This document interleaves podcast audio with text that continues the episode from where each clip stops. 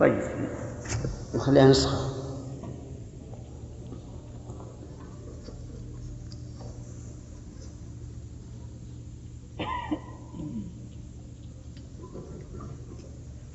نعم. فيخرج من البخيل حينئذ ما لم يكن يخرجه قبل ذلك ومع هذا فأنت ترى الذين يحكون أنهم وقعوا في شدائد فنذروا نذورا تكشف شدائدهم أكثر أو قريبا من الذين يزعمون أنهم دعوا عند القبور أو غيرها فقضيت حوائجهم. بل من كثرة اغترار المضلين. بذلك صارت النذور المحرمة في بذلك صارت النذور المحرمة في الشرع مآكل لكثير من السدنة والمجاورين والعاكفين عند بعض المساجد أو غيرها ويأخذون من الأموال شيئا كثيرا وأولئك الناذرون يقول أحدهم مرضت فنذرت ويقول آخر خرج علي المحاربون فنذرت ويقول الآخر ركبت البحر فنذرت ويقول الآخر حبست فنذرت ويقول الآخر أصابتني فاقة فنذرت. وقد قام بنفوسهم أن هذه النذور هي السبب في حصول مطلوبهم ودفع مرهوبهم. وقد أخبر الصادق المصدوق أن نذر طاعة الله فضلا عن معصيته ليس سببا لحصول الخير. وإنما الخير الذي يحصل للناذر يوافقه موافقة كما يوافق سائر الأسباب. فما هذه الأدعية غير فما هذه الأدعية غير المشروعة في حصول المطلوب؟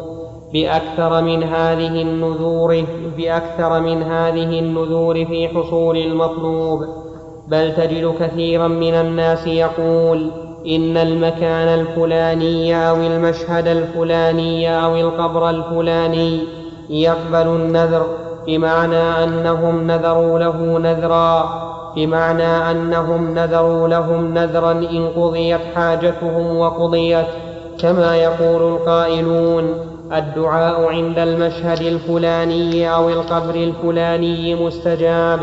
بمعنى أن أنهم دعوا هناك مرة فرأوا أثر الإجابة بل إذا كان المبطلون يضيفون قضاء حوائجهم إلى خصوص نذر المعصية مع أن جنس النذر لا أثر له في ذلك لم يبعد منهم إذا أضافوا حصول غرضهم إلى خصوص الدعاء بمكان لا خصوص له في الشرع. لأن جنس الدعاء هنا مؤثر فالإضافة إليه ممكنة بخلاف جنس النذر فإنه لا يؤثر. والغرض أن يعرف أن الشيطان إذا زين لهم إذا زين لهم نسبة الأثر إلى ما يؤثر نوعا ولا وصفا. إلى ما لا يؤثر. إلى ما لا يؤثر. إيه، إلى ما لا يؤثر. والغرض أن يعرف أن الشيطان إذا زين لهم نسبة الأثر إلى ما لا يؤثر نوعا ولا وصفا فنسبته إلى وصف قد ثبت تأثير نوعه أولى أن يزين لهم. يزينه لهم. بضمير. تصحيح.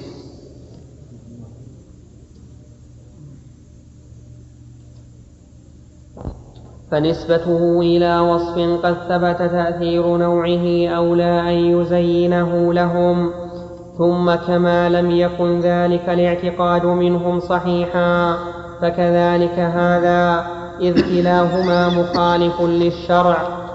ومما يوضح ذلك أن اعتقاد المعتقد أن هذا الدعاء أو هذا النذر كان هو السبب كان هو السبب أو بعض السبب في كان هو السبب أو بعض السبب في حصول المطلوب لا بد له من دلالة ولا دليل على ذلك في الغالب إلا الاقتران أحيانا. أعني وجودهما جميعا. ولا دليل على ذلك في الغالب إلا إلا إلا إلا الاقتران أحيانا. أعني وجودهما جميعا. وإن تراخى أحدهما عن الآخر مكانا أو زمانا مع الانتقاض أضعاف أضعاف الاقتران ومجرد اقتران الشيء بالشيء. يعني مع انتقاض بدون أل. يقول نسخة. ها؟ فيها أل؟ فيها نسخة؟ نعم. طيب ماشي. ومجرد اقتران الشيء بالشيء بعض الأوقات مع انتقاضه ليس دليلا على الغلبة باتفاق العقلاء. إذا كان هناك سبب آخر صالح إذ تخلف الأثر عنه يدل على عدم الغلبة. فإن قيل إن التخلف بفوات شرط أو لوجود مانع قيل بل, بل الاقتران لوجود سبب آخر وهذا هو الراجح.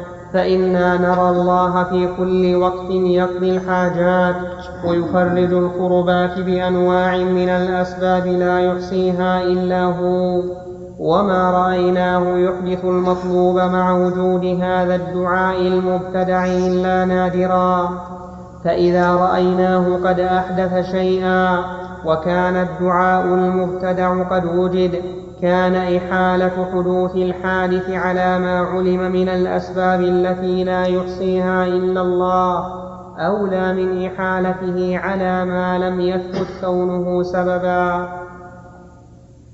ثم الاقتران إن كان دليلا على العلة فالانتقاض دليل ثم أنه ربما يبتلى العبد.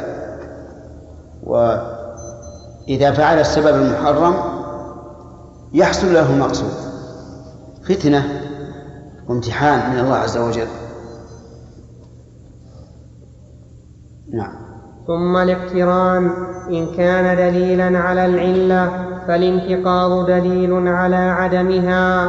وهنا افترق الناس ثلاث فرق مغضوب عليهم وضالون والذين أنعم الله عليهم فالمغضوب عليهم يطعنون في عامة الأسباب المشروعة وغير المشروعة ويقولون الدعاء المشروع قد يؤثر وقد لا يؤثر ويتصل بذلك الكلام في دلالة الآيات على تصديق الأنبياء عليهم السلام. ويتصل. ويتصل بذلك الكلام في دلالة الآيات على تصديق الأنبياء عليهم السلام. والضالون يتوهمون من كل ما يتخيل سببا وإن كان يدخل في دين اليهود والنصارى والمجوس وغيرهم والمتكايسون من المتفلسفة يحيلون ذلك على أمور فلكية وقوى نفسانية وأسباب طبيعية يدورون حولها لا يعدلون عنها. فأما المهتدون فهم لا ينكرون ما خلقه الله من القوى والطبائع في جميع الأجسام والأرواح. إذ الجميع خلق الله لكنهم يؤمنون بما وراء ذلك من قدرة الله التي هو بها على كل شيء قدير. ومن أنه كل يوم هو في شأن ومن أن إجابته لعبده المؤمن خارجة عن قوى نفسه وتصرف جسمه وروحه وبأن الله يخرق العادات لأنبيائه لإظهار صدقهم ولإكرامهم بذلك ونحو ذلك من حكمه وكذلك يخرقها لأوليائه تارة لتأييد دينه بذلك. يعني تملي عليه يظهر ذلك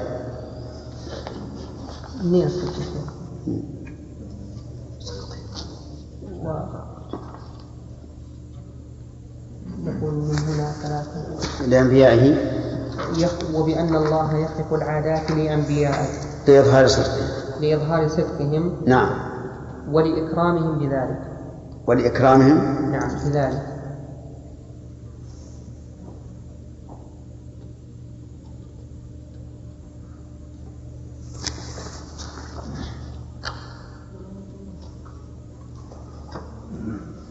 إي نعم. ونحو ذلك من حكمه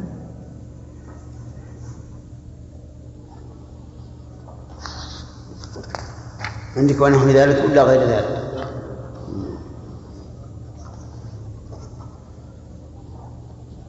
من حكمه؟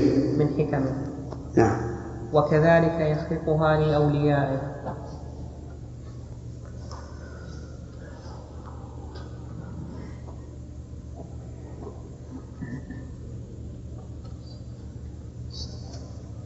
نعم. تارة لتأييد دينه بذلك.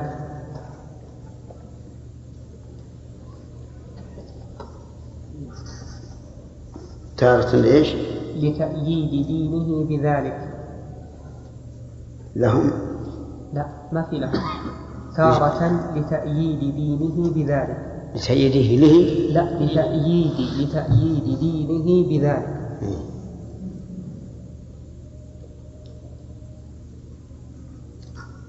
نعم. وتارة تعجيلا لبعض ثوابهم في الدنيا. وتارة. تعجيلا لبعض ثوابهم في الدنيا.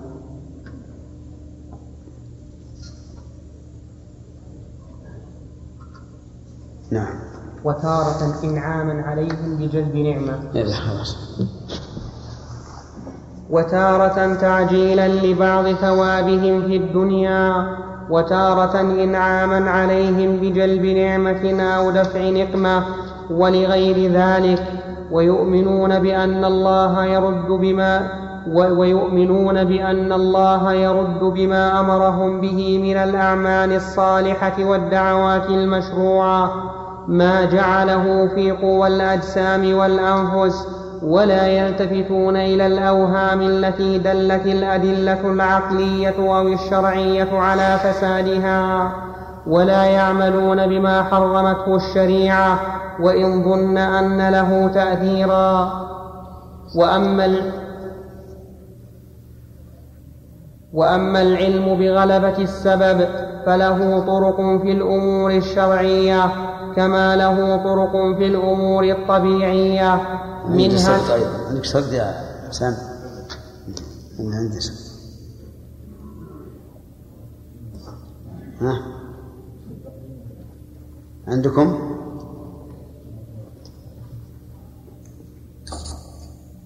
مشكلة عجيب. عندنا كما له طرق على فساده ولا ولا يعلمون كما له طرق. بما حرم ولا يعملون بما حرم الشريعة. وإن ظن أن له تأثيرا. بعد حرم الشريعة؟ إيه بما حرمته الشريعة وإن ظن أن له تأثيرا. في الأمور الطبيعية. منها الاضطرار. نعم. منها الاضطرار فإن الناس لما عطشوا وجاعوا على عهد رسول الله صلى الله عليه وسلم فأخذ غير مرة ماء قليلا فوضع يده الكريمة فيه حتى فار الماء من بين أصابعه ووضع يده الكريمة في الطعام وبرك فيه حتى كثر كثرة خارجة عن العادة.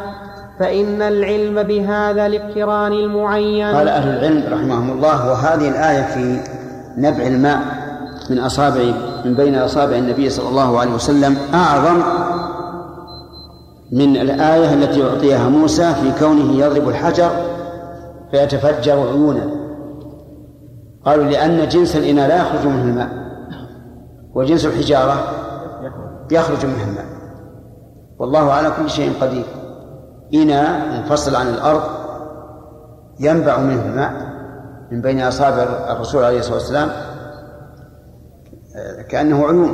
سبحان الله. الله. نعم. فإن العلم بهذا الاقتران المعين يوجب العلم بأن كثرة الماء والطعام كانت بسببه صلى الله عليه وسلم علما ضروريا. كما يعلم أن الرجل إذا ضرب بالسيف ضربة شديدة صرعته فمات أن الموت كان منها بل أوكد فإن العلم بكثرة الماء والطعام ليس له سبب معتاد في مثل ذلك أصلا مع أن العلم بهذه المقارنة يوجب علما ضروريا بذلك. وكذلك لما دعا صلى الله عليه وسلم لأنس بن مالك أن يكثر الله ماله وولده فكان فكان نخله يحمل في السنة مرتين خلاف عادة بلده. ورأى من ولده وولد ولده أكثر من مئة فإن مثل هذا الحادث يعلم أنه كان بسبب ذلك الدعاء. ومن رأى طفلا يبكي بكاء شديدا فألقمته أمه الثدي فسكن علم يقينا أن سكوته كان لأجل اللبن. عندك سكن ولا سكت؟ سامع حتى عندي سكن. كان المفروض أن يقول علم أن سكونه. عندي في جيم ودال سكونه. طيب. والاحتمالات وإن تطرقت إلى النوع فإنها قد لا تتطرق إلى الشخص المعين. وكذلك الأدعية فإن المؤمن يدعو بدعاء فيرى المدعو بعينه مع عدم الأسباب المقتضية له. أو يفعل فعلا كذلك فيجده كذلك. كالعلاء بن الحضرمي رضي الله عنه لما قال يا عليم يا حليم يا علي يا عظيم أسقنا. فمطروا في يوم شديد الحر مطرا لم يجاوز عسكرهم. وقال احملنا. فمشوا على النهر الكبير مشيا. لم يبل أسافل أقدام دوابهم. وأيوب السختياني لما ركض الجبل لصاحبه ركضة نبعت له عين ماء فشرب ثم غارت فدعا الله وحده لا شريك له. دل الوحي المنزل والعقول الصحيحة على فائدته ومنفعته فدعاء ولا فدعاء الله؟ فدعاء الله. نعم. فدعاء الله وحده لا شريك له. دل الوحي المنزل والعقول الصحيحة على فائدته ومنفعته ثم التجارب التي لا يحصي عددها إلا الله فتجد أكثر المؤمنين قد دعوا الله وسألوه أشياء وسألوه أشياء أسبابها منتفية في حقهم فأحدث الله لهم تلك المطالب فأحدث الله لهم تلك المطالب على الوجه. عندكم منتفية ولا متفقة؟ يعني عندي ما تستقيم. منتفية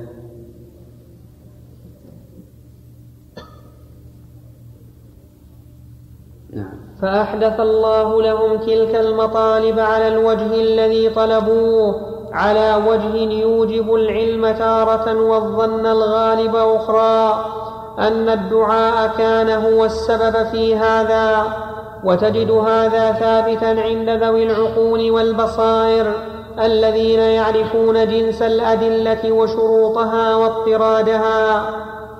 وأما اعتقاد تأثير الأدعية المحرمة فعامته إنما نجد اعتقاده عند أهل الجهل الذين لا يميزون بين الدليل وغيره ولا يفهمون ما يشترط للدليل من الاضطراد وإنما يتفق في أهل الظلمات من الكفار والمنافقين أو ذوي الكبائر الذين أظلمت قلوبهم بالمعاصي حتى لا يميزون بين الحق. يعني يحسوا من أنفسهم يعني الضعف أمام عدو من الأعداء أن يستعينوا بمثلا الكفار.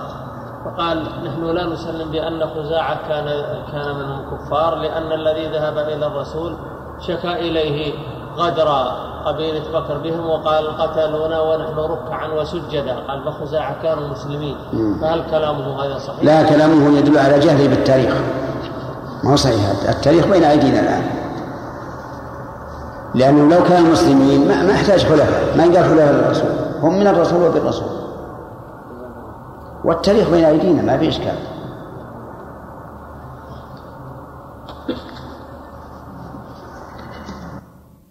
نعم. بسم الله الرحمن الرحيم. الحمد لله رب العالمين.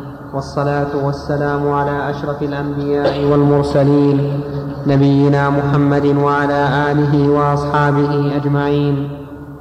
قال شيخ الإسلام ابن تيمية رحمه الله تعالى في اقتضاء الصراط المستقيم وبالجملة فالعلم بأن هذا كان هو السبب أو بعض السبب أو شرط السبب في هذا الأمر الحادث. قد يعلم كثيرا وقد يظن كثيرا وقد يتوهم كثيرا وهما ليس له مستند صحيح. وهما. وهما وقد يتوهم كثيرا وهما ليس له مستند صحيح إلا ضعف العقل.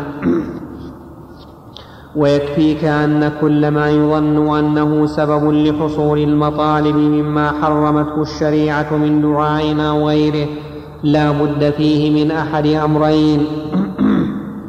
إما أن لا يكون سببا صحيحا كدعاء من لا يسمع ولا يبصر ولا يغني عنك شيئا وإما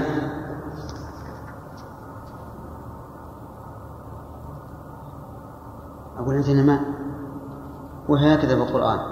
ما عندي شيخ. يا أبت لم تعبد إيش؟ ما لا. ما لا يسمع ولا يعقل ولا يغني عنك شيئا. عندك ماء؟ طيب. صح.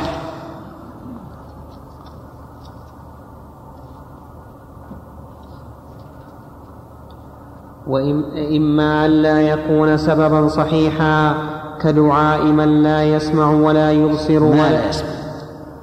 أي كدعاء ما لا يسمع. أي أنت قلت من؟ بعد التصحيح. بعد السنة أليس كذلك؟ وإما أن لا يكون سببا صحيحا كدعاء ما لا يسمع ولا يبصر ولا يغني عنك شيئا وإما أن يكون ضرره أكثر من نفعه. فأما ما كان سببا صحيحا منفعته أكثر من مضرته. أكثر. فأما ما كان سببا صحيحا منفعته أكثر من مضرته فلا ينهى عنه الشرع بحال. وكل ما لم يشرع من العبادات مع قيام المقتضي لفعله من غير مانع فإنه من باب المنهي عنه كما تقدم. وأما ما النور في الحقيقة خمسة أنواع. منفعة محضة ومضرة محضة. ومنفعة راجحة ومضرة راجحة ومتساوي الأمر- الأمرين. فالمنفعة المحضة لا ينهى عنها الشرع بل يأمر بها. والمضرة ال- وال- والمضرة المحضة لا يأمر بها الشرع بل ينهى عنها. والمنفعة الراجحة يأمر بها الشرع. والمضرة والمضرة الراجحة ينهى عنها الشرع. ومتساوي الأمرين ينهى عنه الشرع. لأن درء المفاسد أولى من جلب المصالح. نعم. وأما ما ذكر في المناسك أنه بعد تحية النبي صلى الله عليه وسلم وصاحبيه والصلاة والسلام أنه بعد تحية بعد تحية النبي صلى الله عليه وسلم وصاحبيه والصلاة والسلام يدعو فقد ذكر الإمام أحمد وغيره أنه يستقبل القبلة ويجعل الحجرة عن يساره لئلا يستدبره وذلك بعد تحيته والصلاة والسلام ثم يدعو لنفسه وذكر أنه إذا حياه وصلى عليه يستقبل وجهه بأبي هو وأمي صلى الله عليه وسلم فإذا أراد الدعاء جعل الحجرة عن يساره واستقبل القبلة ودعا وهذا مراعاة منهم لذلك فإن الدعاء عند القبر لا يكره هكذا مطلقا الآن حسب ما ذكر الإمام أحمد رحمه الله أنه بعد السلام على النبي صلى الله عليه وعلى آله وسلم وصاحبيه يجعل الح- الحجر عن يساره. عادة الناس اليوم أنهم يجعلون الحجرة خلف خلفه وكلا الأمرين فيه فيه نظر. لا أن تجعلها عن يسارك ولا أن تجعلها خلفك. بل إذا سلمت فانصرف كما كان ابن عمر رضي الله عنهما يفعله. ولا دليل على أنه يست... على أن زيارة قبره من أسباب الوقوف للدعاء. نعم. فإذا أراد الدعاء جعل الحجرة عن يساره واستقبل القبلة ودعا وهذا مراعاة منهم لذلك فإن الدعاء عند القبر لا يكره مطلقا بل يؤمر به كما جاءت به السنة فيما تقدم ضمنا وتبعا. وإنما المكروه أن يتحرى المجيء إلى القبر للدعاء عنده الدعاء عند القبر ما جاءت به السنة. إلا عند الدفن. فقد كان الرسول يقول إذا فرغ من دفنه استغفروا لأخيكم واسألوا له التثبيت. وكذلك إذا زار المقبرة. يقول السلام عليكم دار قوم مؤمنين. أما أن جاءت السنة بأن قال آه، ادعوا عند المقابر فهذا لم تأتي. ولعل الشيخ رحمه الله يريد ما ما أشرت إليه أولا. من الدعاء عند الدفن والدعاء عند الزيارة. نعم. وكذلك ذكر أصحاب مالك قالوا يدنو من القبر فيسلم على النبي صلى الله عليه وسلم ثم يدعو مستقبل القبلة يوليه ظهره وقيل لا يوليه ظهره وإنما اختلفوا لما فيه من استدباره. فأما إذا جعل الحجرة عن يساره فقد زال المحذور بلا خلاف وصار في الروضة أو أمامها ولعل هذا الذي ذكره الأئمة أخذوه من كراهة الصلاة إلى القبر فإن ذلك قد ثبت النهي فيه عن النبي صلى الله عليه وسلم كما تقدم. فلما نهي أن يتخذ فلما نهي أن يتخذ نعم. عندي يا نقطتين نعم. نشوف نقرأ. فلما نهي أن يتخذ القبر مسجدا أو قبلة أو قبلة أمروا ألا أمروا بأن لا يتحرى الدعاء إليه. كما لا فلما نهوا تقتضي أن تكون فلما نهوا أمر تصحيح.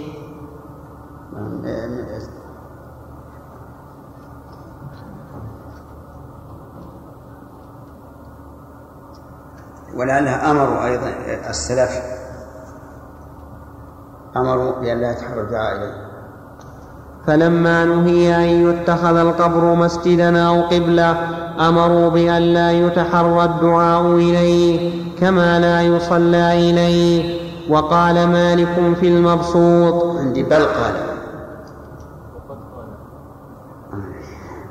أجل كل نسخة على ما هي عليه. وقال مالك في المبسوط لا أرى أن يقف عند قبر النبي صلى الله عليه وسلم يدعو لكن يسلم ويمضي. ولهذا والله أعلم. لا أرى عند صدق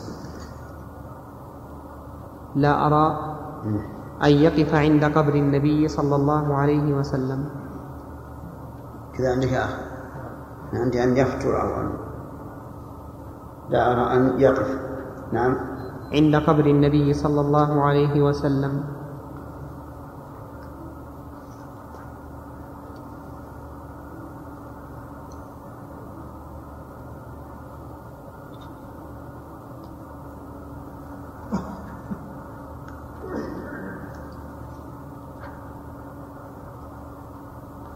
ويدعو.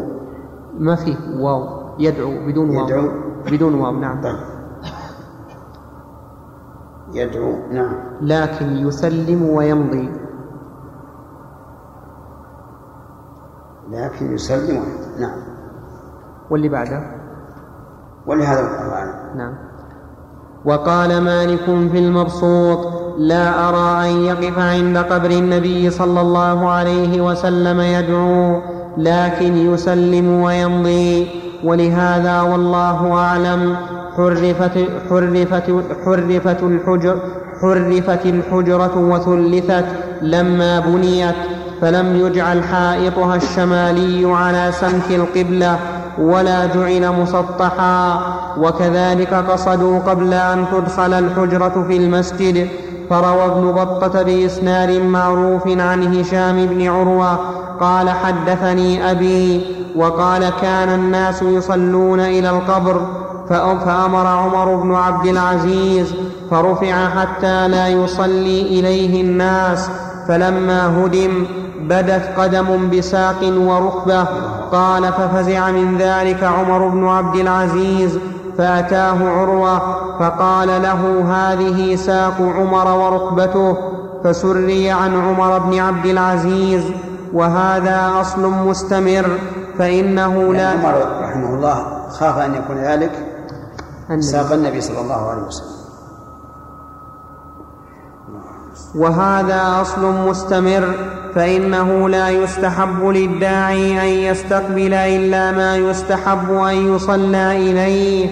ألا ترى أن الرجل لما نهي عن الصلاة إلى جهة المشرق وغيرها فإنه ينهى أن يتحرى استقبالها وقت الدعاء ومن الناس من يتحرى وقت دعائه استقبال الجهة التي يكون فيها الرجل الصالح سواء كانت في المشرق أو غيره. وهذا ضلال بين وشرك واضح. كما الآن في المدينة كثير من الجهال يستقبلون القبر سواء في المسجد أو خارج المسجد. فتجدهم جلوسا حول المسجد بين المسجد والبقيع متجهين إلى إلى القبر وتكون القبلة على على يسارهم نعم. كما أن بعض الناس الشيخ يقول هذا ضلال بين وشرك واضح. هذه ينبغي أن تقيد لأن قل أن تجدها في في كتاب. كما أن بعض الناس يمتنع من استدبار الجهة التي فيها بعض الصالحين وهو يستدبر الجهة التي فيها بيت الله وقبر رسوله صلى الله عليه وسلم. وكل هذه الأشياء من البدع التي تضارع دين النصارى. ومما يبين لك ذلك أن نفس السلام على النبي صلى الله عليه وسلم قد راعوا فيه السنة حتى لا يخرج إلى الوجه المكروه الذي قد يجر إلى إطراء النصارى.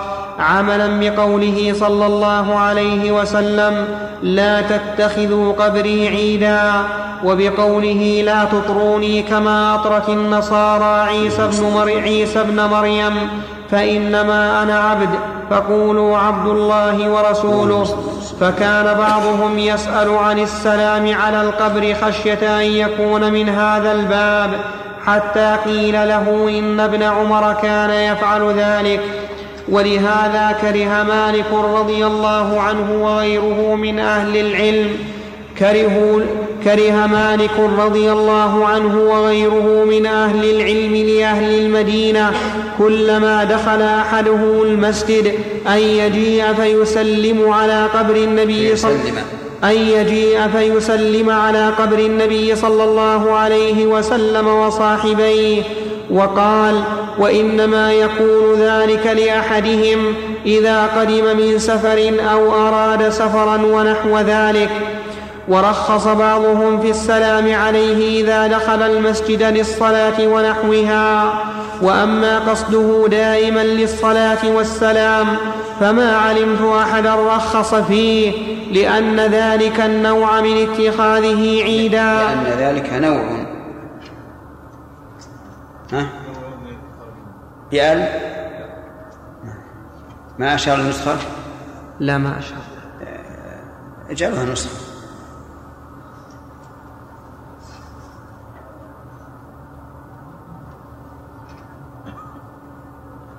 لأن ذلك نوع من اتخاذه عيدا مع أنا قد شرع لنا إذا دخلنا المسجد أن نقول السلام عليك أيها النبي ورحمة الله وبركاته كما نقول ذلك في آخر صلاتنا. بل قد بل قد استحب ذلك لكل من دخل مكانا ليس فيه أحد أن يسلم على النبي صلى الله عليه وسلم. لما تقدم من أن السلام عليه يبلغه من كل موضع. فخاف مالك وغيره أن يكون فعل ذلك. قد استحب أو آه، هذا يحتاج إلى دليل. أن الإنسان إذا دخل بيت ليس في أحد يقول السلام عليك أيها النبي. والذي ينبغي أن لا يفعل لأن الجهال يظنون أن الرسول في هذا المكان موجود. ففيه إيهام سيء. وما دام ليس عليه دليل تزول به المفسدة فإنه لا ينبغي.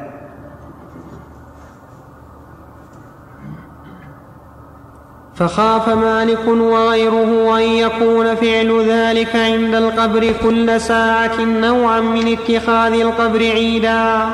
وأيضا فإن ذلك بدعة فقد كان المهاجرون والأنصار على عهد أبي بكر وعثمان وعلى عهد أبي بكر. الأخير. نوع من اتخاذ القبر عيدا يدل على أن النسخة اللي عندنا الذي ذكرنا أن تشير إليها هي الصحيحة قبل أربعة أسطر. لأن ذلك النوع لأن ذلك نوع من اتخاذ عيدا. وأيضا فإن ذلك بدعة فقد كان المهاجرون والأنصار على عهد أبي بكر وعمر وعثمان وعلي رضي الله عنهم يجيئون إلى المسجد كل يوم خمس مرات يصلون. ولم يكونوا يأتون مع ذلك إلى القبر يسلمون عليه لعلمهم رضي الله عنهم بما كان النبي صلى الله عليه وسلم يكرهه من ذلك وما نهاهم عنه وأنهم يسلمون عليه حين دخول المسجد والخروج منه وفي التشهد كما كانوا يسلمون عليه كذلك في حياته والماثور عن ابن عمر يدل على ذلك قال سعيد في سننه حدثنا عبد الرحمن بن زيد قال حدثني أبي عن ابن عمر أنه كان إذا قدم من سفر أتى قبر النبي صلى الله عليه وسلم فسلم وصلى عليه وقال السلام عليك يا أبا بكر السلام عليك يا أبتاه وعبد الرحمن بن زيد وإن كان يضاعف لكن الحديث المتقدم عن نافع عن نافع الصحيح يدل على أن ابن عمر ما كان يفعل ذلك دائما ولا غالبا. وما أحسن ما قال مالك لن يصلح آخر هذه لن لن يصلح آخر هذه الأمة إلا ما أصلح أولها ولكن كلما ضعف تمسك كلما ضعف تمسك ولكن كلما ضعف تمسك الأمم بعهود أنبيائهم ونقص إيمانهم عوضوا ذلك بما أحدث عوضوا ذلك بما أحدثوه من البدع والشرك وغيره. ولهذا كره كرهت الأئمة استلام القبر وتقبيله وبنوه بناء منعوا الناس أن يصلوا إليه. فكانت حجرة عائشة التي دفنوه فيها منفصلة عن مسجده وكان ما بين منبره وبيته هو الروضة ومضى الأمر على ذلك في عهد الخلفاء الراشدين ومن بعدهم وزيد في المسجد زيادات وغير والحجرة على حالها هي وغيرها من الحجر المطي من الحجر المطيف المطيفة بالمسجد من شرقيه هي على حالها هي وغيرها من الحجر المطيفة بالمسجد من شرقيه وقبليه حتى بناه الوليد بن عبد الملك وكان عمر بن عبد العزيز عامله على المدينة فابتاع هذه الحجر وغيرها وهدمهن فابتاع هذه الحجر وغيرها وهدمهن وأدخلهن في المسجد فمن أهل العلم من كره ذلك كسعيد بن المسيب ومنهم من لم يكره. قال أبو بكر الأثرم قلت لأبي عبد الله يعني أحمد بن حنبل قبر النبي صلى الله عليه وسلم يمس ويتمسح به. فقال ما أعرف هذا؟ قلت له فالمنبر. فقال أما المنبر فنعم قد جاء فيه. قال أبو عبد الله شيء يروونه عن ابن أبي فديك عن ابن أبي ذئب عن ابن عمر أنه مسح على المنبر. قال ويروونه عن سعيد بن المسيب في الرمانة. قلت ويروون عن يحيى بن سعيد أنه حين أراد الخروج إلى العراق جاء إلى المنبر فمسحه ودعا فرأيته استحسنه ثم قال لعله عند الضرورة والشيء. قيل لأبي عبد الله إنهم يلصقون بطونهم بجدار القبر. هذا من هذا من التساهل الحقيقة والصواب أنه لا لا يتمسح لا في الرمانة ولا في المنبر. وأنه لا يوجد شيء من الدنيا يتعبد لله تعالى بمسحه إلا الركنان اليمنيان الحجر الأسود والركن اليماني. وما عدا ذلك فإنه لا يسأل لأن هذه مسائل تعبدية. ولو كان هذا من التعبد لنقل إلينا نقلا متواترا ولا فعله الناس كلهم كما نقل إلينا وفعله الناس كلهم مسح الحجر الأسود والركن اليماني. وهذا مما يستغربه الإنسان كثيرا عن الإمام أحمد رحمه الله. ومع ذلك لم يعتمد على شيء بين. لكن لمحبته رحمه الله لآثار السلف كان يعتبر مثل هذا. لكن الحق أحق أن يتبع. فيقال أبو بكر وعمر وعثمان وعلي وسادات الصحابة ما مسحوا القبر ولا مسحوا المنبر ولا الرمانة. نعم ربما يوجد مثل بعض الناس عنده عاطفة قوية يقف عند المنبر ولمحبته يقول بهكذا مثلا بيده أو في الرمانة أو ما أشبه ذلك. لكن لا يعد هذا من باب من باب التعبد. نعم. قيل لأبي عبد الله إنهم يلصقون بطونهم بجدار القبر. وقلت له رأيت أهل العلم من أهل المدينة لا يمسونه ويقومون ناحية فيسلمون. فقال أبو عبد الله نعم وهكذا كان ابن عمر يفعل. ثم قال أبو عبد الله بأبي وأمي صلى الله عليه وسلم فقد رخص أحمد وغيره في التمسح بالمنبر والرمانة التي هي موضع مقعد النبي صلى الله عليه وسلم ويده ولم يرخصوا في التمسح بقبره. وقد حكى بعض اصحابنا رواية في مسح قبره لأن أحمد شيع بعض الموتى فوضع يده على قبره يدعو له والفرق بين الموضعين ظاهر. وكره مالك التمسح بال الظهور واضح. فالإمام أحمد وضع يده على القبر لا تمسحا ولكنه كأنه رأى أن ذلك مثل وضع اليد على المريض يدعى له. ففعل هذا رحمه الله. ولا أظن الإمام أحمد فعل ذلك على سبيل التمسح بالقبر. نعم. وكره مالك التمسح بالمنبر كما كرهوا التمسح بالقبر فأما اليوم فقد احترق المنبر وما بقيت الرمانة وإنما بقي من المنبر خشبة صغيرة فقد زال ما رخص فيه لأن اليوم ما بقي شيء لا خشبة صغيرة ولا نعم. فقد زال ما رخص فيه لأن الأثر المنقول عن ابن عمر وغيره إنما هو التمسح بمقعده وروى الاثرم بإسناده عن القعنبي عن مالك عن عبد الله بن دينار قال قال رأيت ابن عمر يقف على قبر النبي صلى الله عليه وسلم فيصلي على النبي صلى الله عليه وسلم وعلى أبي بكر وعمر.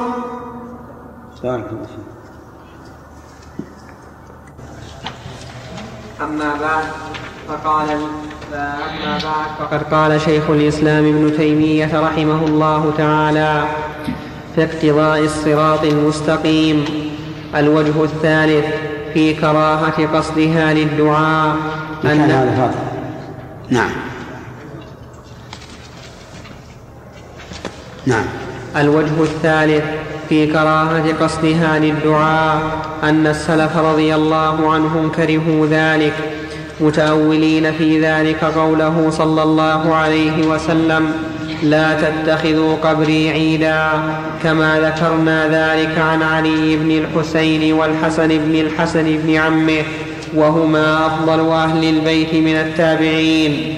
وأعلم بهذا الشأن من غيرهما لمجاورتهما الحجرة النبوية نسبا ومكانا. وذكرنا عن أحمد وغيره أنه أمر من سلم على النبي صلى الله عليه وسلم وصاحبيه ثم أراد أن يدعو أن ينصرف فيستقبل القبلة. وكذلك أنكر ذلك غير واحد من العلماء المتقدمين.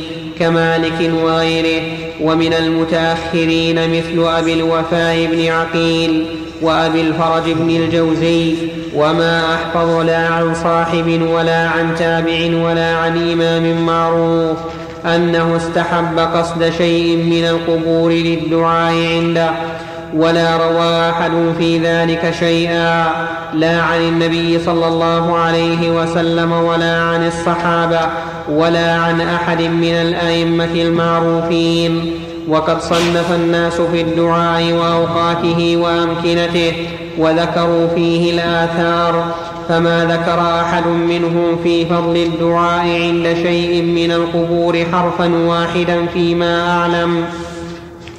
فكيف يجوز والحالة هذه؟ حال. والحال هذه. أشار إليها فكيف يجوز والحال هذه أن يكون الدعاء عندها أجوب وأفضل؟ هذه يجب أن تعلموا أن أن الصواب الحال كلما جاءت. الحالة ضعيفة. فالحال لفظها مذكر ومعناها مؤنث. فيقال الحال الرابعة الحال الثالثة ويقال في هذه الحال يكون كذا وكذا. نعم فكيف يجوز والحال هذه أن يكون الدعاء عندها أجوب وأفضل؟ والسلف تنكره ولا تعرفه وتنهى عنه ولا تأمر به. نعم صار من نحو المئة الثالثة يوجد متفرقا في كلام بعض الناس. فلان ترجى الإجابة عند قبره وفلان عند قبره ولا عنده؟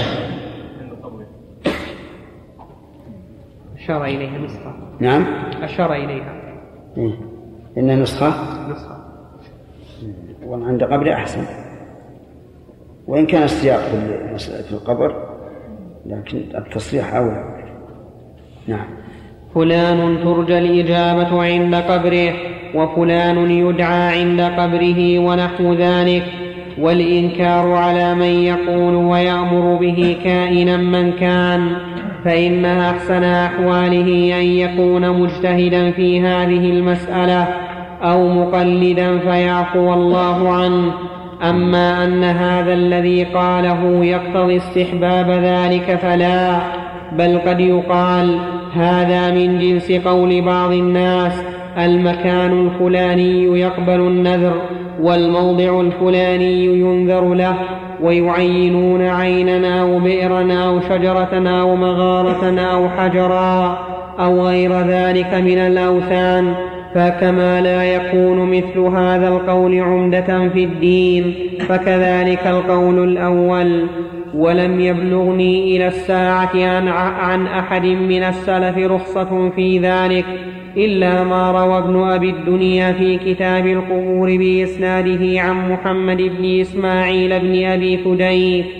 قال أخبرني سليمان بن يزيد الكعبي عن أنس بن مالك أن رسول الله صلى الله عليه وسلم قال من زارني بالمدينة محتسبا كنت له شفيعا وشهيدا يوم القيامة قال ابن أبي فديك وأخبرني عمر بن حفص أن ابن أبي مليكة كان يقول من أحب أن يقوم وجاه النبي صلى الله عليه وسلم فليجعل القنديل الذي في القبلة عند رأس القبر على رأسه. قال ابن أبي فديك وسمعت بعض من أدركت يقول بلغنا أنه ممن وقف عند قبر النبي صلى الله عليه وسلم فتلا هذه الآية إن الله وملائكته يصلون على النبي. فقال صلى الله عليك يا محمد حتى يقولها سبعين مرة ناداه ملك صلى الله عليك يا فلان ولم تسقط له حاجة. فهذا الأثر من ابن أبي فديك قد يقال فيه استحباب قصد الدعاء عند القبر ولا حجة فيه لوجوه. أحدها أن ابن أبي فديك روى هذا عن مجهول وذكر ذلك المجهول أنه بلاغ عمن لا يعرف ومثل هذا لا يثبت به شيء أصلا. وابن أبي فديك متأخر في حدود المئة الثانية ليس هو من التابعين ولا من تابعيهم المشاهير حتى يقال قد كان هذا معروفا في القرون الثلاثة. وحسبك أن أهل العلم بالمدينة المعتمدين لم ينقلوا شيئا من ذلك ومما يضاعفه أنه قد ثبت عن النبي صلى الله عليه وسلم أنه قال من صلى علي مرة صلى الله عليه عشرا فكيف يقول فكيف يقول من صلى عليه سبعين مرة؟ جزاؤه أن يصلي عليه ملك من الملائكة. وأحاديثه المتقدمة تبين أن الصلاة والسلام عليه تبلغه عن البعيد والقريب. والثاني أن هذا إنما يقتضي استحباب الدعاء للزائر في ضمن الزيارة كما ذكر ذلك كما ذكر العلماء ذلك في مناسك الحج وليس هذا مسألتنا. فإنا قد قدمنا أن من زار زيارة مشروعة ودعا في ضمنها لم يكره هذا كما ذكره بعض العلماء مع ما في ذلك من النزاع مع أن المنقول عن السلف كراهة الوقوف عنده للدعاء وهو صح وإنما المكروه الذي ذكرناه قصد الدعاء عنده ابتداء كما أن من دخل المسجد فصلى تحية المسجد ودعا في ضمنها لم يكره ذلك أو توضأ في مكان وصلى هنالك ودعا في ضمن صلاته لم يكره ذلك. ولو تحرى الدعاء في تلك البقعة أو في مسجد لا خصيصة له في الشرع دون غيره من المساجد فنهى عن هذا التخصيص.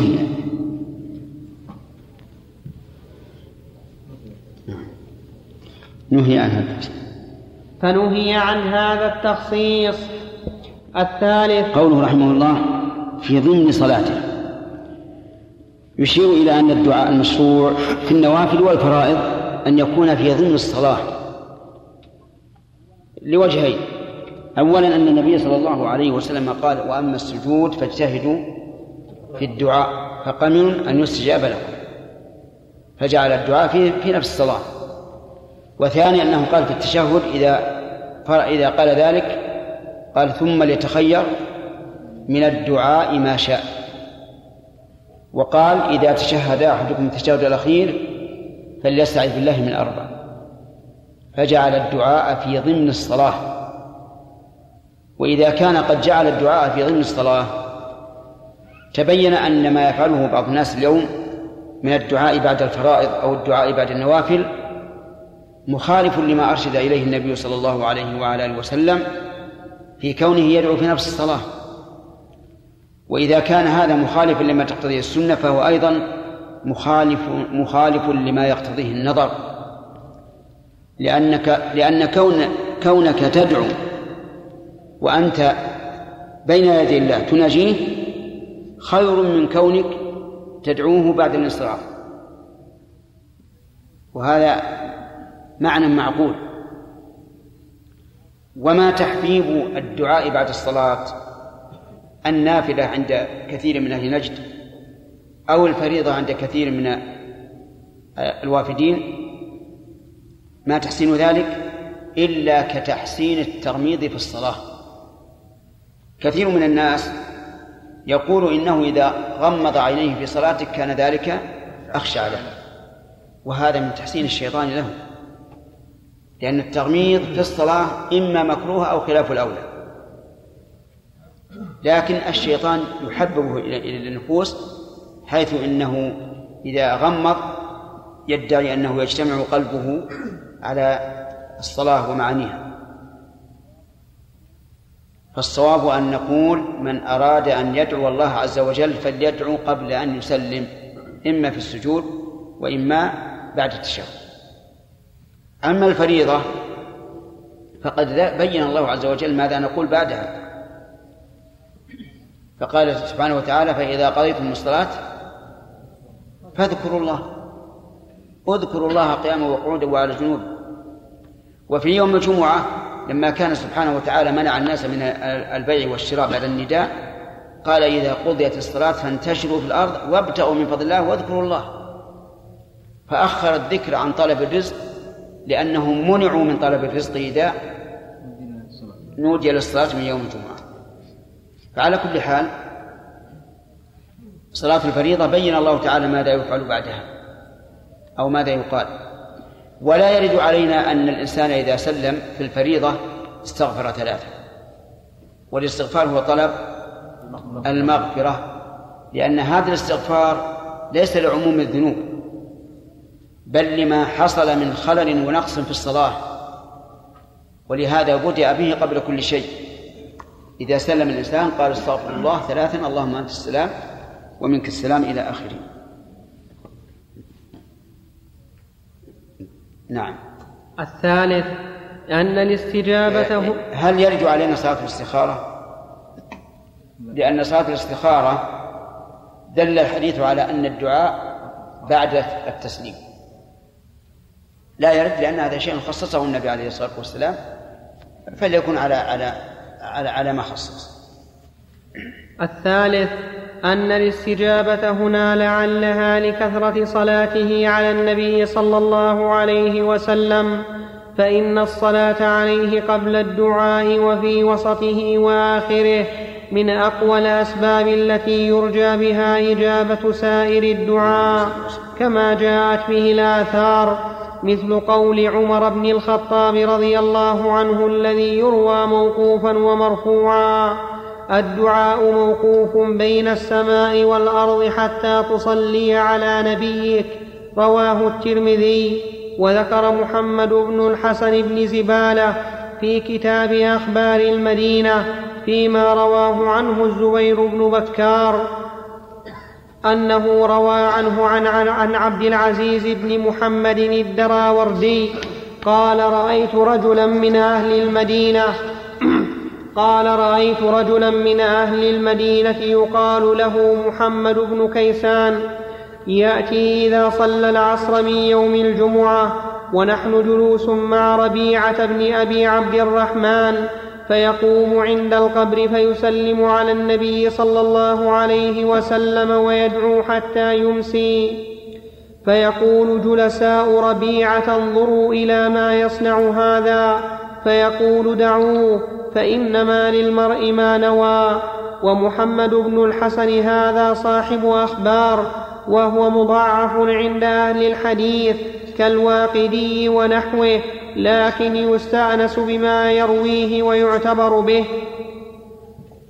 وهذه الحكاية قد يتمسك بها قد يتمسك بها على الطرفين فإنها تتضمن أن الذي فعله هذا الرجل أمر مبتدع عندهم لم يكن من فعل الصحابة وغيرهم من علماء أهل المدينة. وإلا لو كان هذا أمرا معروفا من عمل أهل المدينة لما استغربه جلساء ربيعة وأنكروه بل ذكر محمد بن الحسن لها في كتابه مع رواية الزبير بن بكار ذلك عنه يدل بل ذكر. نعم. بل ذكر. بل ذكر محمد بن الحسن لها في كتابه مع رواية الزبير بن بكار ذلك عنه يدل على أنهم على عهد مالك وذويه ما كانوا يعرفون هذا العمل وإلا لو كان هذا شائعا بينهم لما ذكر في كتاب مصنف ما يتضمن استغراب ذلك.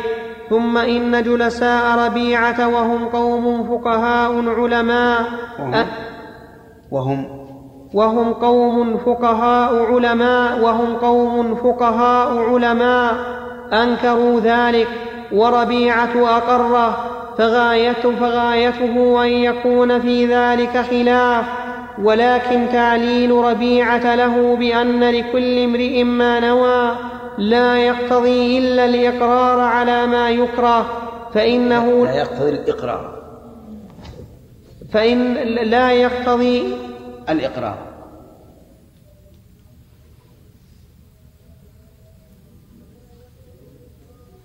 لا يقتضي الإقرار على ما يكره فإنه لو أراد الصلاة هناك لنهاه وكذلك لو أراد الصلاة في وقت نهي وإنما الذي أراده والله أعلم أن من كان له نية صالحة أثيب على نيته وإن كان الفعل الذي ليس الذي فعله ليس بمشروع إذا لم يتعمد مخالفة الشرع. يعني, يعني فهذا الدعاء وإن لم يكن مشروعا لكن لصاحبه نية صالحة يثاب على نيته فيستفاد من ذلك أنهم مجمعون على أنه غير مستحب ولا خصيصة في تلك البقعة وإنما الخير يحصل من جهة نية الداعي ثم إن ربيعة لم ينكر عليه متابعة لجلسائه إما لأنه لم يبلغه أن النبي صلى الله عليه وسلم نهى عن اتخاذ قبره عيدا وعن الصلاة عنده فإن ربيعة كما قال أحمد كان قليل العلم بالآثار أو بلغه ذلك لكن لم ير مثل هذا لم ير مثل هذا داخلا في معنى النهي. لا يقال الإمام أحمد رحمه الله اغتاب ربيعة ولكنه أراد أن يبين حاله لئلا يغتر به أحد. فهذا من باب النصيحة. كما يقولون أيضا عن إبراهيم النخعي رحمه الله أنه قليل البضاعة الحديث لكنه في الفقه جيد. فالعلماء والأئمة رحمهم الله إذا قالوا مثل ذلك لا يريدون قطعا أن ينزلوا من قيمة الرجل ولكن يريدون أن يبينوا الحقيقة لئلا يغتر به من؟ من يغتر ولكل امرئ ما نوى. نعم. لكن أو بلغه ذلك لكن لم ير مثل هذا داخلا في معنى النهي أو لأنه لم ير هذا محرما وإنما غايته أن يكون مكروها. وإنكار المكروه ليس بفرض أو أنه رأى أن هذا الرجل إطلاق أن إنكار المكروه ليس بفرض. فيه نظر. بل يقال إن إن إنكار المكروه إذا اتخذ عبادة فهو فرض. لئلا لئلا يقع الناس في البدعة نعم لو أن الإنسان مثلا التفت في صلاته الالتفات في الصلاة مكروه. لا يجب علي أن أنكر عليه لأن هذا مكروه وأن ينكر عليه سنة. لكن أما أن يبتدع الإنسان شيئا في الدين فلا بد أن ينكر عليه ولو كانت بدعة مكروهة. نعم. أو أنه رأى أن هذا الرجل إنما قصد السلام والدعاء جاء ضمنا وتبعا وفي هذا نظر. ولا ريب إن أن العلماء قد يختلفون في مثل هذا كما اختلفوا في صحة الصلاة عند القبر ومن لم يبطلها قد لا ينهى من فعل ذلك. والعمدة على الكتاب والسنة وما كان عليه السابقون مع أن محمد بن الحسن هذا قد روى أخبارا عن السلف تؤيد ما ذكرناه. فقال حدثني عمر بن هارون عن سلمة بن وردان قال رأيت أنس بن مالك يسلم على النبي صلى الله عليه وسلم ثم يسند ظهره إلى جدار القبر ثم يدعو. فهذا كان ثابتا عن أنس. فهذا كان ثابتا عن أنس فهو مؤيد لما ذكرناه. كيف؟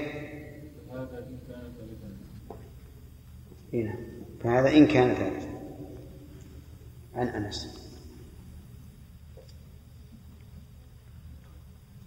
فهذا إن كان ثابتا عن أنس فهو مؤيد لما ذكرناه فإن انسا لم يكن ساكنا بالمدينة وإنما كان يقدم من البصرة إما مع الحجيج أو نحوهم فيسلم على النبي صلى الله عليه وسلم ثم إذا أراد الدعاء الذي في حق مثله إنما يكون ضمنا وتبعا استدبر القبر. وذكر محمد بن الحسن عن عبد نعم. العزيز نعم. سؤال. جلس ما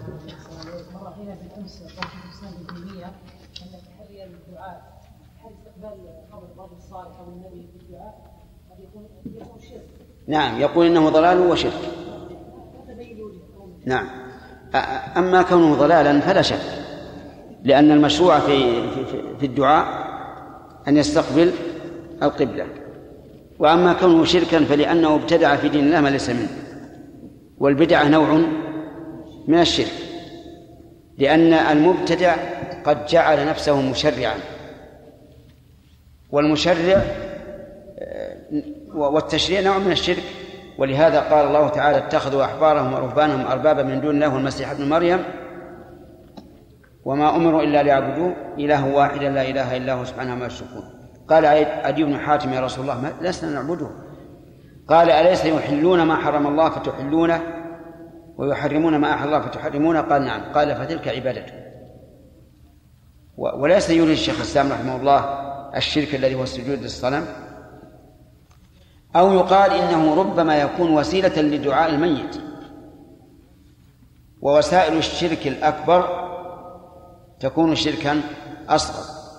فإن هذا ضابط الشرك الأصغر عند كثير من من العلماء. أن ما كان وسيلة إلى الشرك الأكبر فهو شرك أصغر. نعم.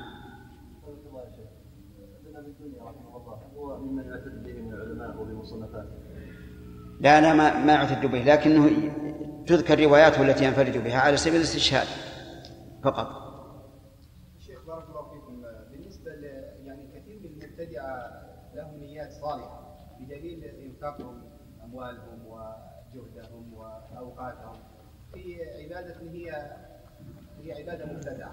فهل يقال يؤجرون على نياتهم هذه الصالحة؟ يؤجرون على النية لكن لا يؤجرون على العمل. فإذا نبهوا وأصروا لم يؤجروا لا على هذا ولا على هذا. فما داموا غافلين ولم يبين لهم الحق فهم يؤجرون على النية ولكن لا يؤجرون على العمل. لكن إذا بين لهم وأصروا لم يؤجروا لا على هذا ولا على هذا. نعم. آخر واحد. يلا. الدعاء بين بين والأذان نعم.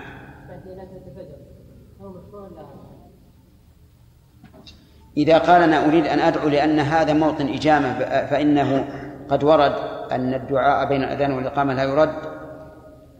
نقول لا بأس لكن لا تجعلوا من حين أن تصلي فيغتر العوام.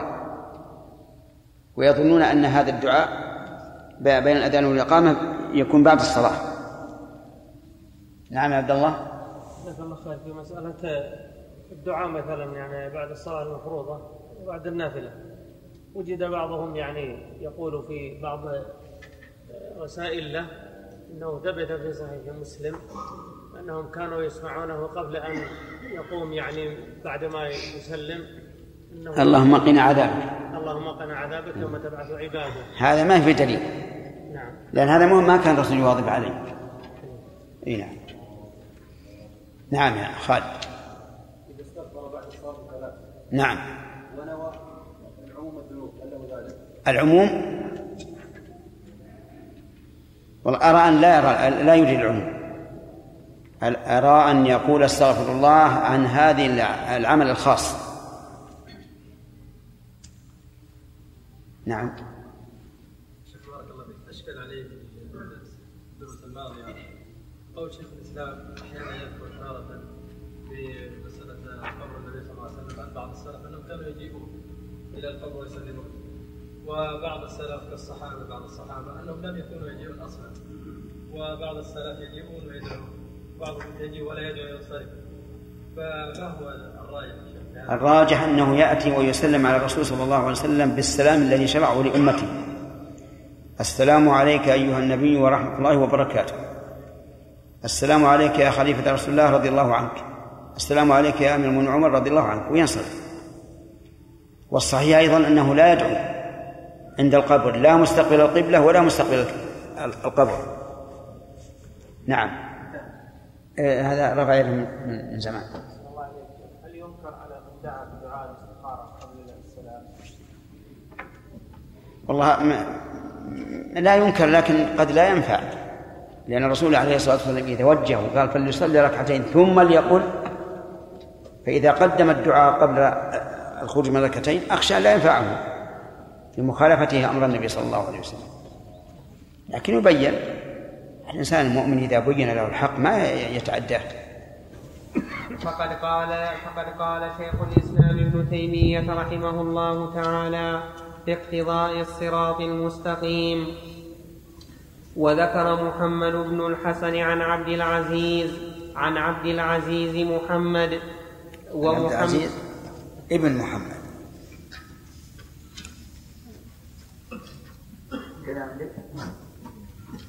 تصحيح شيء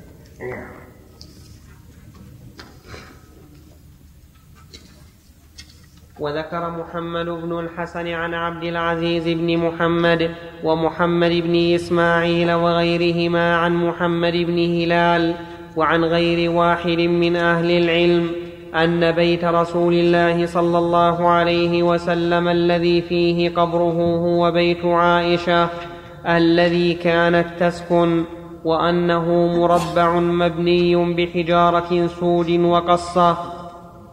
وأنه وأنه وأنه مربع مبني بحجارة سود وقصة. والذي يلي القبلة منه أطوله. والشرقي والغربي سواء. والشامي أنقصها. وباب البيت مما يلي الشام. وهو مسدود بحجارة سود وقصة. ثم بنى عمر بن عبد العزيز على ذلك البيت هذا البناء. القصد أن يقول حاشا هي الأحجار إلا الجص الذي تربط به الأحجار. نعم. ثم بنى عمر بن عبد العزيز على ذلك البيت هذا البناء الظاهر. وعمر بن عبد العزيز زواه لئلا يتخذه الناس قبلة تخص فيها الصلاة من بين مسجد النبي صلى الله عليه وسلم. وذلك سواه يعني جعل له زوايا مثلثة. الزاوية الثالثة إذا استقبل الإنسان لم يستقبل الجدار. يعني تكون اتجاه المستقبل القبلة. نعم. وذلك أن وذلك أن رسول الله صلى الله عليه وسلم قال كما حدثني عبد العزيز بن محمد عن عن شريك عن شريك بن عبد الله بن أبي نمر عن أبي سلمة بن عبد الرحمن قال قاتل الله اليهود اتخذوا قبور أنبيائهم مساجد. وحدثني مالك بن أنس عن زيد بن أسلم عن عطاء بن يسار أن رسول الله صلى الله عليه وسلم قال اللهم لا تجعل قبري وثنا يعبد.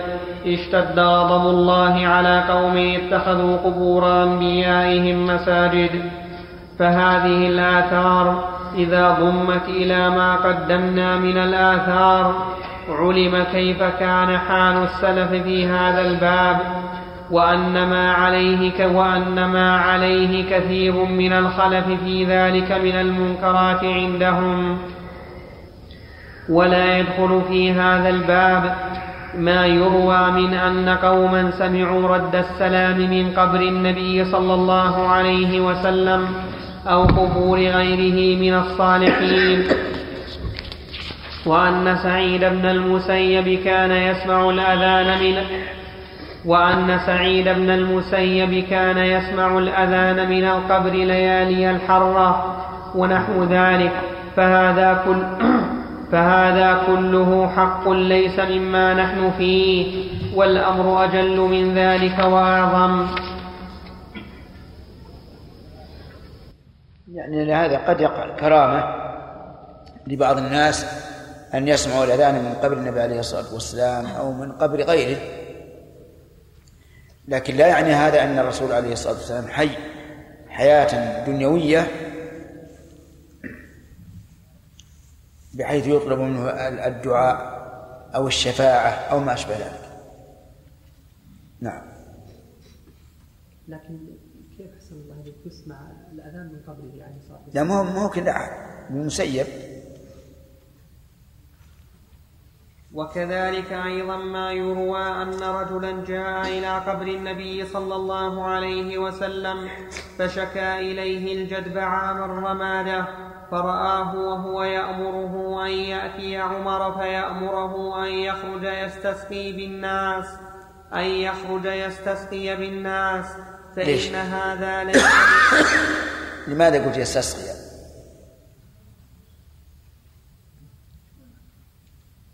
أليس معطوف يا شيخ على ها؟ معطوف على ما عندي واو أنا. عندي واو. أن يخرج ويستسقي لا يخرج يستسقي. يعني أنت نصبت يستسقي. ما يصير منصوب بأن مضمرة أن يسقي أن يخرج أن يستسقي يعني؟ أن يخرج ب... فيستسقي بالناس نعم. إما أن تتراجع عن النصب إلى الرفع وإما أن تبين أن تبين وجهه.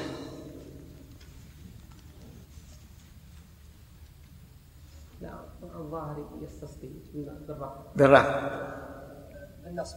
ليش؟ لا ما في جواب. فأمره أن يخرج. إذا مرفوع يكون كما قال.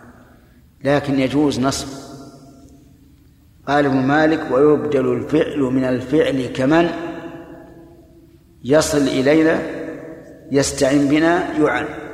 يصل إلينا هذا فعل الشر. يستعن بنا هذا بدل. يعني كأنه قال كمن يستعين يستعين بنا. مثل هنا فأمره أن يخرج يستسقي. هنا لو لو حذفت يخرج فأمره أن يستسقي. صح. وعليه فيجوز نصبه على أنه بدل من الفعل قبله ويجوز رفعه على أنه جملة فعل مضارع في محل النصب على الحال. ومثل هذا يقع كثيرا. أه نعم. وهو فإن رآه وهو يأمر فإن هذا ليس من هذا الباب. فإن هذا ليس من هذا الباب. ومثل هذا يقع كثيرا لمن هو دون النبي صلى الله عليه وسلم وأعرف وأعرف من هذا فإن ومثل هذا يقع كثيرا لمن هو دون النبي صلى الله عليه وسلم وأعرف من هذا وقائع وكذلك سؤال وهذا صحيح ونحن حدثنا بوقائع قريب من هذا. حدثني شخص أنه ضاع له وثيقة وثيقة في شراء بيت. وبحثوا يسألون. وصاحب البيت الأول يقول اخرجوا. فجعلوا يبحثون ما وجدوا شيئا. فرأى أباه في المنام وقال له الوثيقة قد التصقت عليها الورقة في أول الدفتر. فرجعوا إلى الدفتر ووجدوا صحيح. أن الورقة التي تلي جلد الدفتر لاصقة به وهم لم يعلموا عنها. فهذا يقع كثير يعني يقع كثيرا أن يعرف الأموات ما جرى على الأحياء ويحصل لهم توجيه أو ما أشبه ذلك. نعم. وكذلك سؤال بعضهم للنبي صلى الله عليه وسلم أو لغيره من أمته حاجة حاجة فتقضى له. فإن هذا قد وقع كثيرا وليس هو, وليس هو مما نحن فيه. وعليك أن تعلم أن إجابة النبي صلى الله عليه وسلم أو غيره لهؤلاء السائلين ليس مما يدل على استحباب السؤال. فإنه هو القائل صلى الله عليه وسلم إن أحدهم لا يسألني المسألة فأعطيه إياها. أعطيه. إن أحدهم لا يسألني المسألة فأعطيه إياها فيخرج بها يتأبطها نارا. فقالوا يا رسول الله فلم تعطيهم؟ قال يأبون إلا أن يسألوني ويأبى الله لي البخل. اللهم صل وسلم عليه. وأكثر هؤلاء السائلين الملحين. لما هم فيه من الحال لو لم يجابوا لاضطرب إيمانهم. كما أن السائلين به في الحياة كانوا له له سم. كما أن السائل له السائلين عندي به. له إيه. ما هي وش أنا عندي؟ عندي به. به؟ نعم. لا عندنا له بالله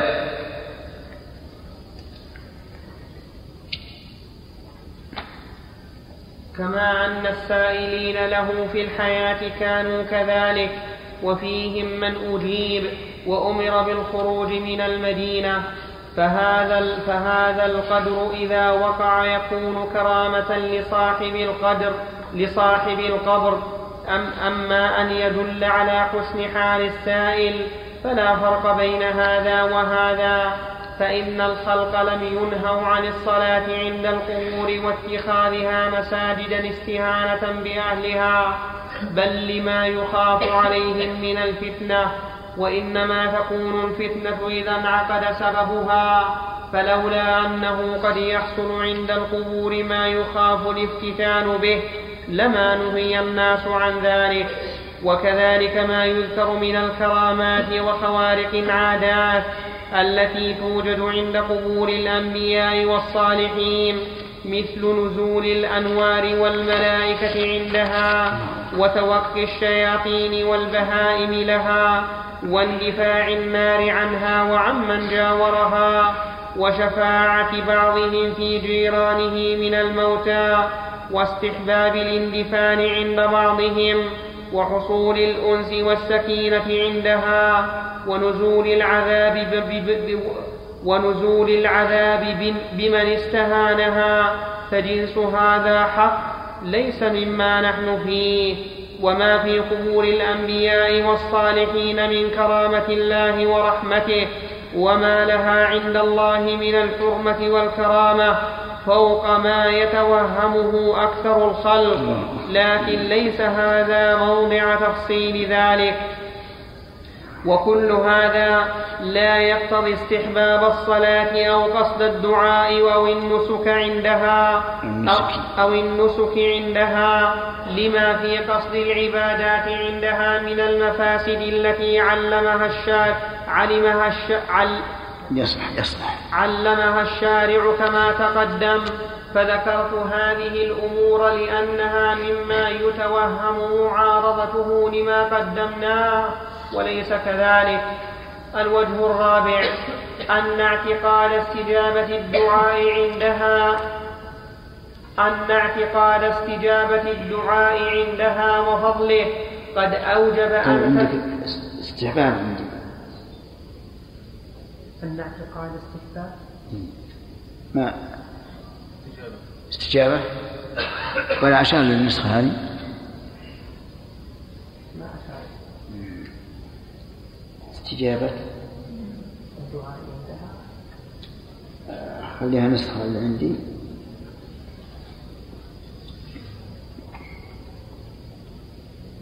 نعم. الوجه الرابع. أن اعتقاد استجابة الدعاء عندها وفضله قد أوجب أن تنتاب لذلك وتقصد. وربما اجتمع عندها اجتماعات كثيرة في مواسم معينة في مواسم معينة. وهذا بعينه هو الذي نهى عنه النبي صلى الله عليه وسلم بقوله لا تتخذوا قبري عيدا. وبقوله لعن الله اليهود والنصارى اتخذوا قبور أنبيائهم مساجد وبقوله صلى الله عليه وسلم لا تتخذوا القبور مساجد فإن من كان قبلكم كانوا يتخذون القبور مساجد فإني أنهاكم عن ذلك. حتى حتى إن بعض القبور يجتمع عندها في يوم من السنة. ويسافر إليها إما في المحرم أو رجب أو شعبان أو ذي الحجة أو غيرها وبعضها يجتمع عنده في يوم عاشوراء وبعضها في يوم عرفة وبعضها في النصف من شعبان وبعضها في وقت آخر بحيث يكون لها يوم من السنة تقصد فيه. ويجتمع عندها فيه كما تقصد عرفة ومزدلفة ومزدلفة ومنى في أيام معلومة من السنة. أو كما يقصد مصلى المصر يوم العيدين بل ربما كان الاهتمام بهذه بهذه الاجتماعات في الدين والدنيا أهم بل ربما كان الاهتمام بهذه الاجتماعات في الدين والدنيا أهم وأشد ومنها ما يسافر إليه من الأمصار في وقت معين أو في وقت غير معين لقصد الدعاء عنده والعبادة هناك كما يقصد بيت الله لذلك. وهذا السفر لا أعلم بين المسلمين خلافا في النهي عنه إلا أن يكون خلافا حادثا. وإنما ذكرت الوجهين المتقدمين في السفر المجرد لزيارة القبور. فأما إذا كان السفر للعبادة عندها بالدعاء أو الصلاة أو نحو ذلك فهذا لا ريب فيه. حتى إن بعضهم يسميه الحج ويقول نريد الحج إلى قبر فلان وفلان ومنها ما يقصد الاجتماع عنده في يوم معين من الأسبوع. وفي الجملة هذا الذي يفعل عند هذه القبور هو بعينه الذي نهى عنه رسول الله صلى الله عليه وسلم بقوله لا تتخذوا قبري عيدا فإن اعتياد قصد المكان المعين وفي وقت معين عائد بعود السنة أو الشهر أو الأسبوع هو بعينه معنى العيد ثم ينهى عن ذكر ذلك وجله. وهذا هو الذي تقدم عن الإمام أحمد إنكاره لما قال قد أفرط الناس في هذا جدا وأكثروا وذكر ما يفعل عند قبر الحسين وقد ذكرت فيما تقدم. أنه يكره اعتياد عبادة في وقت إذا لم تجئ بها السنة فكيف اعتياد مكان معين في وقت معين؟ وأما ما له سبب فقد جاءت به السنة. كما لو اعتاد الإنسان أنه إذا أراد أن يخرج توضأ ثم صلى. سنة الوضوء هذا لا بأس به لأن هذا مما جاءت به السنة. ولا يقال إن هذا الرجل اتخذ عيدا لم يعتد به السنة لانها لانها ليس من عادة الرسول مثلا إنه يفعل هذا أو ما أشبه ذلك لأن نقول كل وضوء فله سنة في أي وقت. نعم. جاء الاسئله نعم. وعليك أن إجابة النبي صلى الله عليه وسلم أو غيره هؤلاء السائلين. نعم. ثم استدل الحديث إن احدهم إن أحدهم يسأل المسألة تعطيه اياه. نعم. بشكل يعني الان الشفاعه لا تكون إلا إلا بالرضا عن المشروع له. كيف هو مراده والله أعلم وإن كان في نفسي من كلامه شيء في هذا كل كلامه السابق ويقول هذا ليس من هذا وهذا ليس من هذا ما تطمئن له النفس في الواقع. لأنه لا فرق. لا فرق بين أنه يأتي يدعو عند قبرها أو يدعو الرسول. بل أن يدعو الرسول على خطر. فالظاهر أن الشيخ رحمه الله يعني تدرج في هذا إلى شيء فيه نظر. نعم.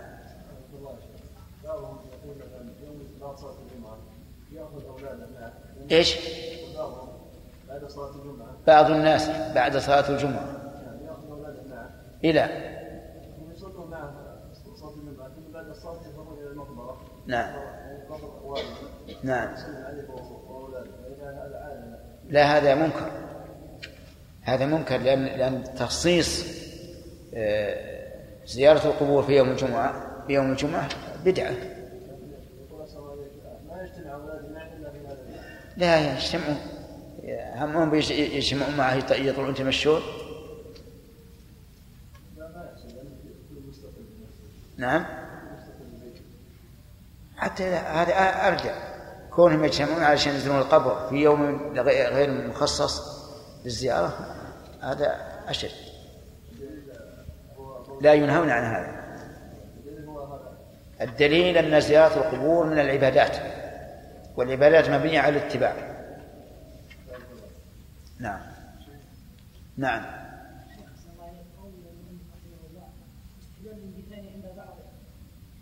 إيش؟ استحباب إيش؟ ها؟ إي نعم نعم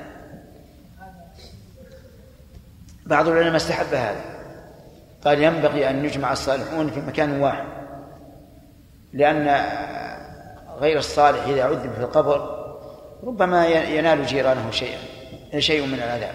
يعني التألم. لا ما يقال ما يقال للناس. ولهذا ما ما نذكر هذا للناس لأنه مشكلة. يرد عليها مفاسد كثيرة. فيقال هذا فاسق ابعده. ويقال هذا صالح جيبه عند عند الثانيين الصالحين وما أشبه ذلك. يحصل مفسدة. نعم. سليم. إيش؟ قربنا من المنامات على حساب على حسب حال الإنسان. نعم. في منامات يا شيخ الناس صالحين وقعت كما هم كما هي. كلها كلها طريقه طريقة يعني واضحة. نعم. كان فيه ناس ناس على قدر حال الإنسان تصور لهم الشياطين. نسال الله العفو والعافيه وتشوف انها إنها شعوة الشياطين يلقونها على على الإنسان حول القبر صحيح. هذا مشاهد فالمنامات المنامات جربنا هذا. ما فيها شك إن الشيطان يتمثل الا إلا بالرسول عليه الصلاة والسلام. فلا فلا يستطيع. ثم بعض الناس سبحان الله يعني ليس إلى ذاك الحد في مسألة العبادة والعلم وإذا رأى رؤيا وقعت في يومها على صفة ما رأى ما هي بضرب مثل؟ على صفة الذي رأى. ولهذا يقول اني إني أتعب عند النوم. أتعب عند النوم. أخشى أن أرى رؤيا مكروهة فتقع والله ما ما لنا حل في هذا. هو يطلب الحل يعني ما لنا حل.